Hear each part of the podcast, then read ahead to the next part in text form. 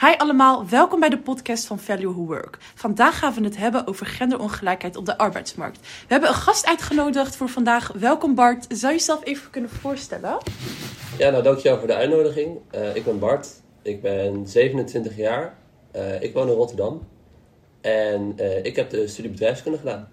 Oké, okay, dankjewel. Dankjewel voor je, voor je komst. Uh, nou, zoals je hebt gehoord gaan we het vandaag hebben over uh, genderongelijkheid op de arbeidsmarkt. Ja. En dat houdt eigenlijk vooral in uh, de ongelijkheid in bijvoorbeeld loon tussen mannen en vrouwen. Het gaat over gedragsongelijkheid. En we zien dat wij eigenlijk, ehm, we zien dit onderwerp eigenlijk niet zo vaak voorkomen. Het lijkt alsof het bijna een taboe is. Ja. Dat dit gebeurt op de werkvloer. En uh, wij willen dit graag, graag, bespreekbaar maken en vooral ook bij onze doelgroep van de mannen. Want wat wij eigenlijk willen bereiken is dat mannen hun gedrag uh, tegenover de vrouwen op de arbeidsmarkt gaan veranderen. Want alleen op die manier kunnen wij samen, zowel de mannen als de vrouwen, uh, dit bereiken, dat gelijkheid bereiken op de werkvloer.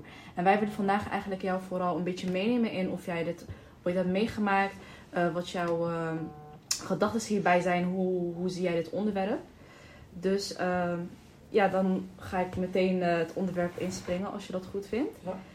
Uh, nou, gelijk eigenlijk de eerste vraag. Kun je eigenlijk een beetje kort vertellen van wat jouw persoonlijke ervaring en betrokkenheid is bij dit onderwerp van vrouwongelijkheid op de werkvloer? Ja, nou, uh, ik heb dus uh, stage gelopen bij een bedrijf in Den Haag waar ik nu nog steeds met plezier werk.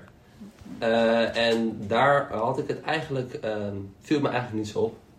Eh, het is meer dat uh, toen ik het met mijn vriendin er een keer over had, uh, dat zij vertelde dat zij erachter was gekomen op een bedrijfsfeestje dat haar mannelijke collega's ja, meer verdienden dan zij. Ja. Terwijl ze wel hetzelfde werk deden. Ze werkten allemaal aan hetzelfde project. Ja. Um, dus ja, voor mij, misschien als man zijnde, heb ik dat nooit echt, ben ik daar nooit echt bewust van geweest.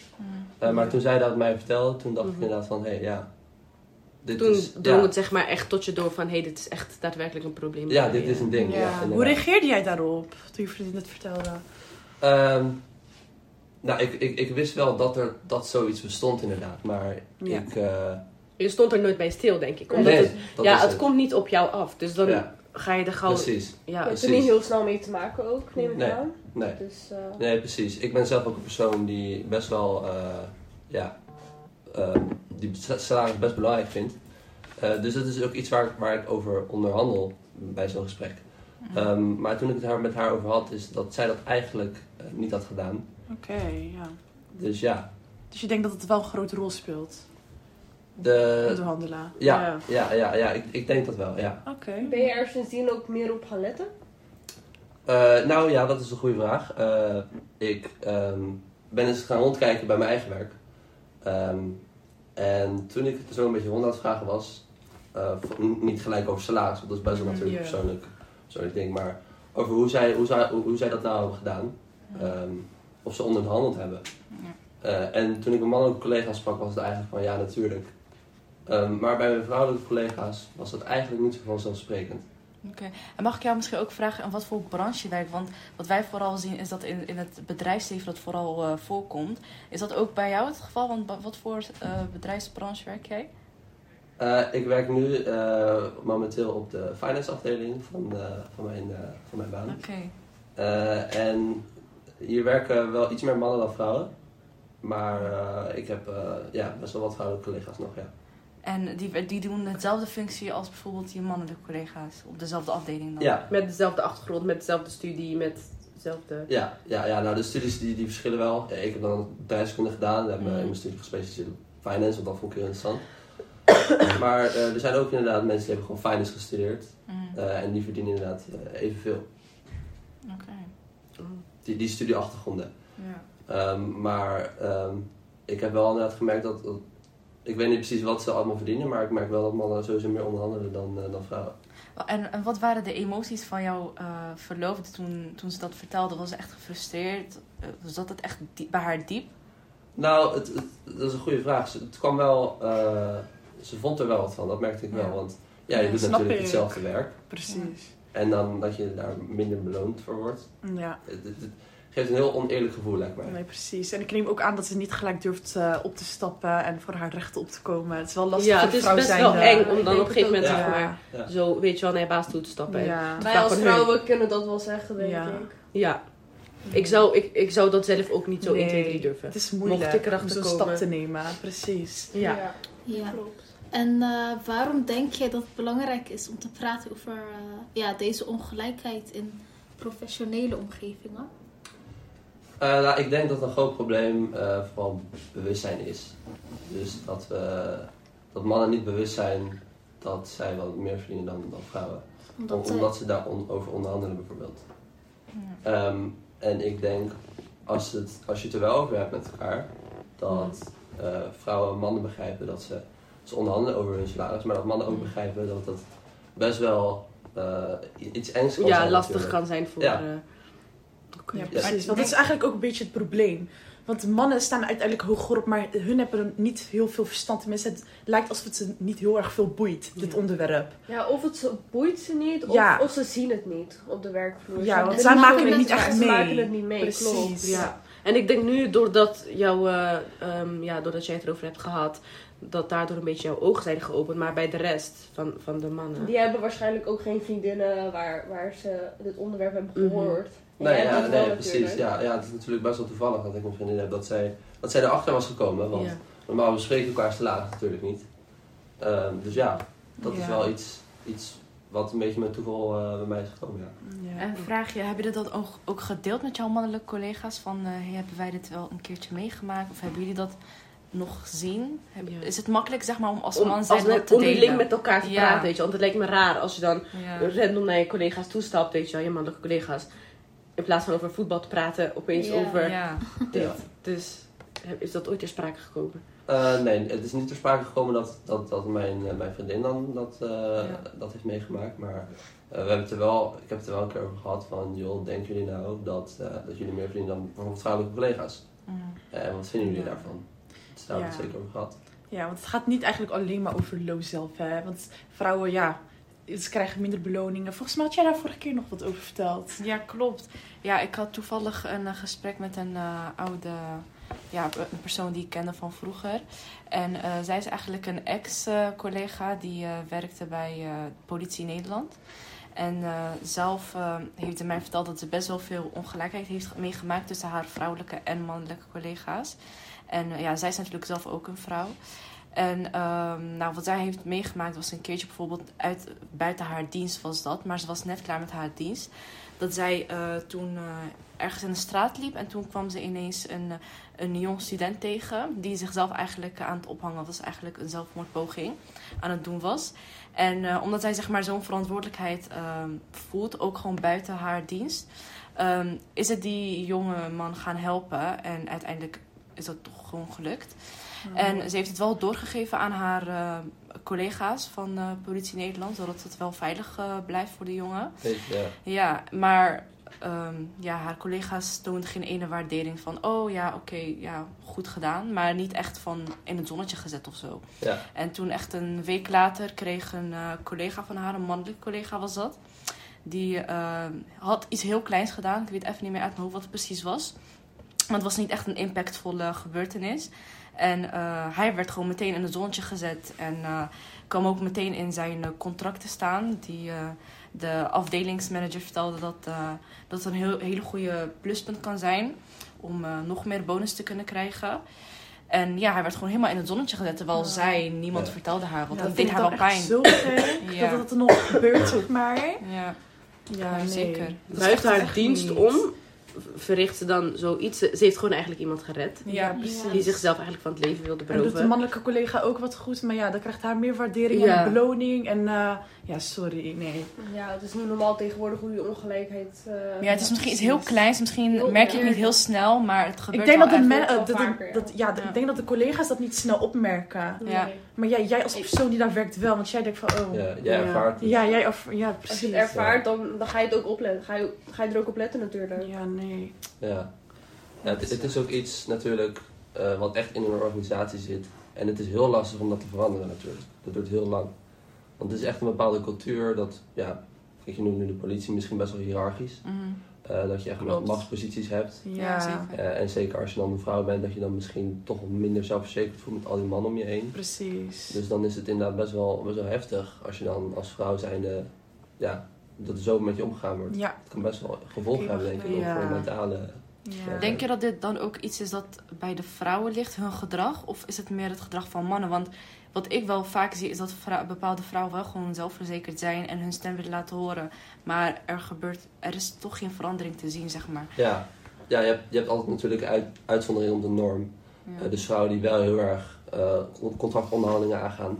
Ja. Eh, vrouwen die wel heel erg voor zichzelf opkomen. Maar ehm, volgens mij is het natuurlijk ook wel zo dat vrouwen over het algemeen wat, wat conflictvermijderder zijn. Ja. Dat ze, Dat is wel waar. ja, Ja. dat ze wat liever gewoon eh, minder in de belangstelling staan. Ja, daarom, mannen staan meestal voorop. Ja, precies. Be- beetje, precies een beetje hardgedrag, zeker bij de politie denk ik wel. Ja. Dat denk ik Ja. ook wel hoor. Ja, want die machtposities, dat is wel ook echt heel erg Exact. Dat is belangrijk. echt Ja. een ding bij Ja, mannen. dat is echt heel erg, een ding. Ja. Ja. Ook natuurlijk voor zichzelf en eh, ten opzichte van de andere man. Mannen Ja. hebben gewoon het liefst hun... Ja, die rivaliteit onder elkaar en dat Ja. hebben vrouwen wat minder denk ik. Ja, dat zeker. En toen jij ehm, met jouw vriendin hebt eh, gesproken, ben jij natuurlijk in je eigen omgeving gaan kijken hoe en wat. En heb jij toen daadwerkelijk echt dingen waargenomen van, hé, hey, er ja, speelt zich zoiets af ehm, op, op mijn eigen werkplek? Ehm, nou ja, wat, wat mij opviel is dat eh, toen ik het rond ging vragen, dit, dit ging dan puur over salaris inderdaad. Eh, dus dat is een klein onderdeel ervan. Maar eh, wat mij opviel is dat vrouwen een stuk minder snel onderhandelen over salaris dan mannen. Dat bij mannen echt iets vanzelfsprekend was. En eh, vrouwen zijn er wat terughoudender in, omdat ze, wat we net ook al zeiden, wat conflictvermijdender zijn misschien. En dat ze die relatie ehm, niet willen verstoren. Ja, klopt. Maar dat mag eigenlijk, vind ik, niet gebeuren. Want waarom heeft dat invloed op jouw salaris? Dat jij conflictvermijdend bent. En dat jij Ja. niet Ja. durft op te stappen. Want het hoort eigenlijk al gelijk, gelijk te zijn. Nou, als het ik- ware. Ja, ik doe zelf natuurlijk eh, de opleiding HRM. En ja. op de HR-afdeling is het zo dat, dat als jij merkt aan een persoon dat diegene conflictvermijdend is, of je merkt dat diegene niet, niet zo snel voor zichzelf kan opkomen, Ja. dan maak je gewoon misbruik ervan. Dat is gewoon zo. ja. O- Ja, en ja. mannen die leidinggevende zijn, die gaan daar natuurlijk heel erg eh, veel misbruik van maken. Ja. Aangezien Ja. zij dan eh, hun, het gewoon veel schuld in lonen, zeg maar. Precies, want ja, Ja. Het, is ook- het gebeurt ook heel vaak dat een man eigenlijk een, leiding, leid, zo, een leidinggevende positie heeft. En dat hij Ja, dan... Ja. Precies. En dat, hun hebben weer stereotyperende dingen op vrouwen, zeg maar. Ja, nee, maar Ja. dat is echt, hè. Als je in de praktijk gaat kijken Ja, naar bijvoorbeeld ehm, HR-afdeling. En als ik bijvoorbeeld eh, een sollicitatie heb met een sollicitant of zo. En ik merk dat diegene heel erg, ja, ehm, ja introvert is. Terughoudend terughoudend is. verlegen is. Ja. Nou, dan, ja, eigenlijk mag ik dit niet zeggen, maar dan ga ik ook gewoon onderaan de schaal beginnen. Dan, Ja, ja, Ja, precies. ja, blijft er meer geld in de pot over voor mij, Ja. om het even zo te Ja. zeggen. Ja. En het hangt natuurlijk ook af Ja. van de industrie waarin je werkt. Kijk, ik zit natuurlijk nu op de finance afdeling. Eh, en daarin zijn mensen op dit moment echt heel hard nodig.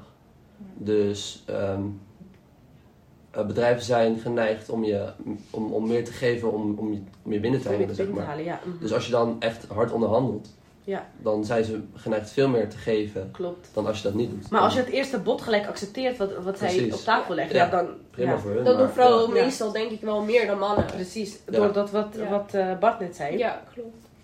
Ja, maar eh, denk je ook niet zeg maar, dat het een beetje ligt aan de vrouwen? Dat stel bijvoorbeeld als vrouwen gaan onderhandelen, dat ze alsnog niet geaccepteerd worden, puur omdat het vrouwen zijn. Ik denk dat ook dat de reden is voor waarom ze ook niet durven in het begin. Of dan zijn ze bang dat ze een functie niet krijgen. of Ja. zo. Dat is toch nog Ja. worden afgewezen omdat ze te veel vragen. Ja. Ja.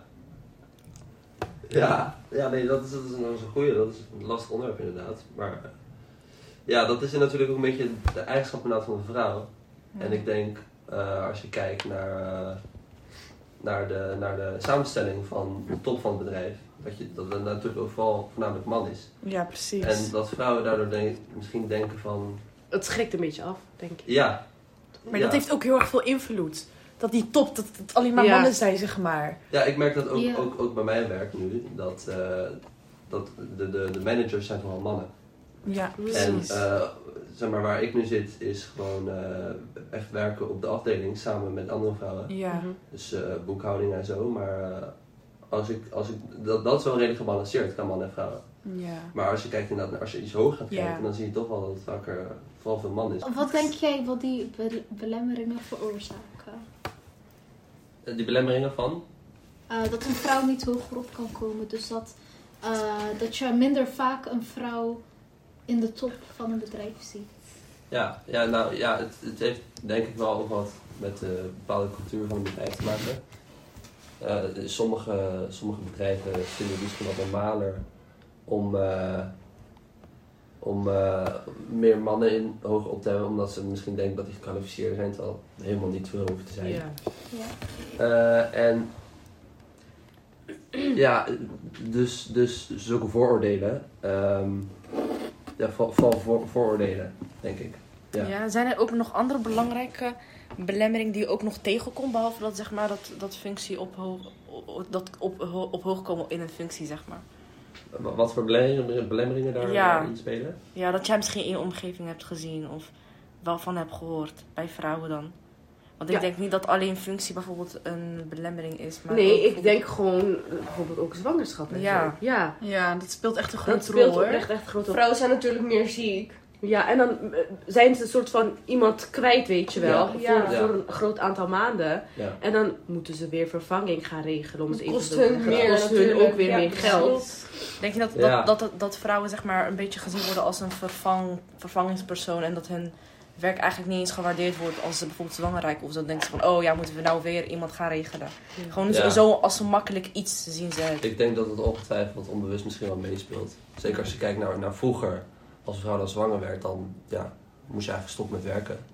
Eh, dat, dat is nu natuurlijk niet meer zo, maar Ja. het Ja, zit er ik- nog wel een beetje in misschien. Ja, Ja, ik ja. denk dat ook mannen meer kunnen rekenen. Precies. En ja. daardoor hebben ze liever die mannen die leiding hebben Ja. in plaats van de vrouwen. Want die vrouwen weten ze toch dat ze uit kunnen Ja, ze vallen zijn of bang zo. dat ze kunnen uitvallen, Ja, dat ze zwanger raken. Ja. Ja, dat... eh, Terwijl natuurlijk heel erg iets generaliserends is, want het wil natuurlijk helemaal niet zeggen dat dat bij elke vrouw zo is. Nee, het is precies. natuurlijk ook gewoon heel Dat menselijk en heel normaal. Ja, Dat, dat vrouwen dat hebben. precies. Ik heb bijvoorbeeld ook bij mijn vorige stage meegemaakt. dat, ehm, dat die eh, recruiter zeg maar zei van... Ja, ehm, als ik iemand een vrouw ga aannemen... dan wil ik liever een vrouw die al kinderen heeft. Ja, ze- zij gaf dat- wel echt ja, op, hè? Ja, ze gaf dat ook gewoon duidelijk aan van... En eh, ik vraag ook gewoon tijdens het eh, interview zeg maar... Van, eh, heb je al kinderen of heb je een kinderwens, weet je wel. Toen zei ze ook van... Ja, ik heb liever gewoon al een vrouw van 35 dan... Die ik dan iets meer moet betalen, maar die dan al wel kinderen heeft. Ja. Dat gaf ze gewoon Ja, mm, ik studeer ook HR en ik denk dat het later gewoon heel handig is om dat soort vragen niet te stellen. Misschien zelfs Ja, interviews en sollicitaties anoniem te doen. Ja, Want als ja. mensen nu al zulke Ja. vragen gaan stellen, Ja. dan kunnen ze dat, eh, eh, gaan ze dat later waarschijnlijk of nog meer doen, of het wordt alleen maar erger. En dan raak je helemaal de vrouwen kwijt op de arbeidsmarkt en in het bedrijfsleven. Precies, ja, die persoonlijke vraag, ja, ik vind dat dat ook gewoon eh afgeschaft moet worden hoor. Ja, Precies. En, en hoe kunnen bedrijven een positieve rol spelen bij het bevorderen van gendergelijkheid? En vooral bijvoorbeeld dit soort corporate bedrijven met veel mannen. Denk je, heb je daar misschien een idee bij? Ja, ik denk, kijk, wat nu vaak wordt gebruikt in bedrijven is, is een vrouwenquotum. Dat Ja. er een bepaald percentage eh, vrouwen moet zitten. Ja. Oh ja, Eh, in de top bijvoorbeeld. Ehm, dat kan heel goed helpen. Het kan ook inderdaad zorgen voor dat er iets te geforceerd naar een vrouw wordt gezocht, waardoor Ja. je toch achteruit gaat op kwaliteit. En dat is natuurlijk wat vooral corporate bedrijven natuurlijk heel erg zoeken is. Gewoon puur kwaliteit. Niet echt kijken naar Ja. de mens. Eh, maar alleen maar mannen in de top van je organisatie, dat is natuurlijk ook geen, geen kwaliteit. Ik denk dat het beste is om die balans te hebben. Vrouwen en mannen die elkaar allebei aanvullen. Eh, en de vrouwenquotum kan daar zeker bij helpen. En, en op welke manier kunnen we zo'n boodschap bijvoorbeeld overbrengen bij mannen? Want het is best wel moeilijk om mannen eigenlijk die ruimte en gedachten te geven van... hé, hey, vrouwen kunnen ook aan de top komen. Ja, ja, ik denk dat het heel erg mannen eigen is om te denken van ja, er zitten mannen in de top omdat zij het beste zijn. Ja. Ehm, en dat is natuurlijk volkomen onzin. Ja. Eh, want mannen onder elkaar die denken misschien wel van ja, wij zijn het beste, maar als je er een keer een vrouw bij zet, dan, dan gaat het ongetwijfeld een stuk beter in één keer. Ja. Dus ik denk vooral de bewustmaking bij mannen, dat zij bewust zijn dat samenwerken met vrouwen heel veel kan toevoegen. Ja. eh, denk ik dat een hele goede kan zijn. En dat kan je bijvoorbeeld doen door ze, door ze ook gewoon in het begin wat vaker samen te laten werken met elkaar. Dat je Ja. goed zorgt voor diversiteit. Dat mannen en vrouwen gewend zijn om samen met elkaar te werken. Ja, en ik denk dat het ook belangrijk is om te doen voordat bijvoorbeeld bepaalde mannen in een hogere positie komen. Dus Ja, bijvoorbeeld precies. mannen onderling en vrouwen onderling op de werkvloer, gewoon op de algemene afdeling. Zodat bijvoorbeeld dat straks dat die mannen die dan op een hogere positie komen, dat zij een andere stereotypering hebben van vrouwen dan wat ze gewend waren. Ja, Ja. Dat moet eigenlijk gewoon bespreekbaar gemaakt worden op werkvloer. Ja, Want heel veel mannen zijn zeg maar hier niet van op de hoogte. Ja. Die weten bijvoorbeeld niet dat hun collega, een vrouwelijke collega, minder Dat verdient voor dezelfde functie. Ja. Daar zijn ze niet van bewust, zeg maar. Dus dat maakt het ook weer moeilijk, denk Ja. ik dan. Maar dat is ook heel opkomend. hè. Diversiteit, gelijkwaardigheid en inclusie. Dat, dat hoor je steeds meer in organisaties. En ik denk dat dat ook beter is. Dat je het steeds meer gaat horen in de toekomst. ja, Ja. inderdaad. Ja, dus eh, Bart, wat hoop jij te zien in de toekomst als het gaat om eh, ja, gendergelijkheid op de werkvloer? Wat hoop jij dat er gaat veranderen? Ja, ik hoop vooral dat eh, mannen en vrouwen wat, wat, wat vaker met elkaar zullen samenwerken. Zeker in het begin van de organisatie. ik merkte vooral toen ik net eh, bij mijn huidige bedrijf waar ik nu werk, kwam werken. Ja. Dat ik vooral met mannen in het team zat. En dat mannen en vrouwen niet per se heel erg gemixt werden. Ja. En ik denk, stel stel je zou ze wel mixen. eh, dat inderdaad dat bewustzijn bij die mannen gestimuleerd wordt. Dat het heel waardevol is om ook vrouwen in je team te hebben. Omdat die, Ja. ja. die, staan, die staan heel vaak anders in een bepaald onderwerp. Ja, tuurlijk. Mannen en vrouwen denken heel anders. Ja, precies. Ja. Ja, Ze vullen elkaar gewoon goed aan, denk Ja, ik. het kan ook. van beide... Ja, het kan ook onderwerp vanuit verschillende perspectieven belichten, weet je wel. Waardoor Ja. je samen Vrouwen een denken aan hele andere komt. dingen op, het moment Ja. waar mannen aan denken. Ja, dus, dus zorg dat ze samenwerken en maak het inderdaad ook bespreekbaar. eh, dat mannen wat, wat, wat meer onderhandelen op een bepaalde functie. Mhm. En dan zou ik niet naar vrouwen kijken van... oké, jullie moeten ook maar onderhandelen. Want ja, als het niet in je aard zit, dan zit het niet in je aard. Mhm. Maar ik zou vooral opletten eh, dat je dan ervoor zorgt dat ze alsnog evenveel verdienen. Ook al verdient de man wat meer. Dat je dan de vrouw ook compenseert om datzelfde te gaan verdienen. Ja, en misschien is het ook wel handig om gelijk meteen al bij zo'n sollicitatiegesprek aan te geven. Want daar begint eigenlijk alles bij Ja. zo'n sollicitatiegesprek. Dus eh, dat is wel een belangrijke inderdaad. En welke adviezen zou je geven aan, aan jonge professionals of aan bedrijven die streven naar meer diversiteit en gelijkheid?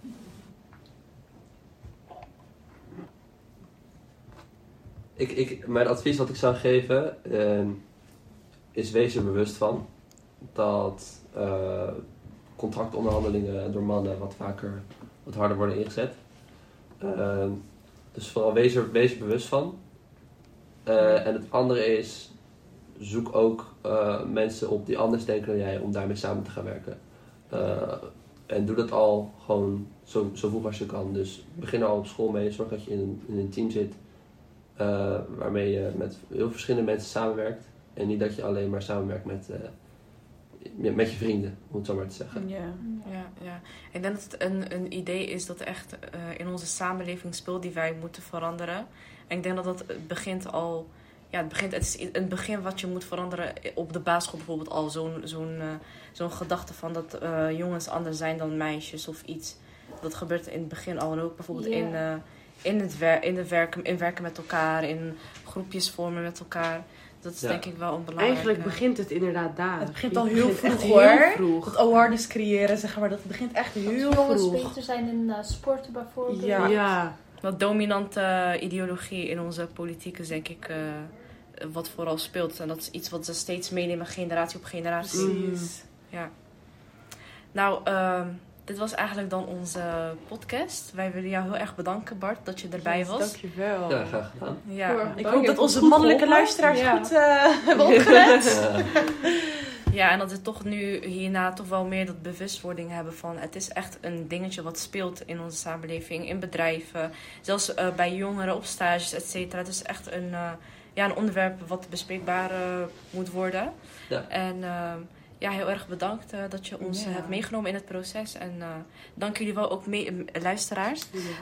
Wat wij graag van jullie willen eh, ja, eigenlijk weten is... wat vinden jullie van dit onderwerp? En eh, eh, zou, zouden jullie zelf eigenlijk ook in zo'n positie kunnen staan... Om, eh, om ook hier verandering aan te brengen? En zouden jullie dit ook aan jullie mannelijke collega's... eh, ja, bespreekbaar maken en met elkaar in gesprek hierin kunnen gaan, ja of nee?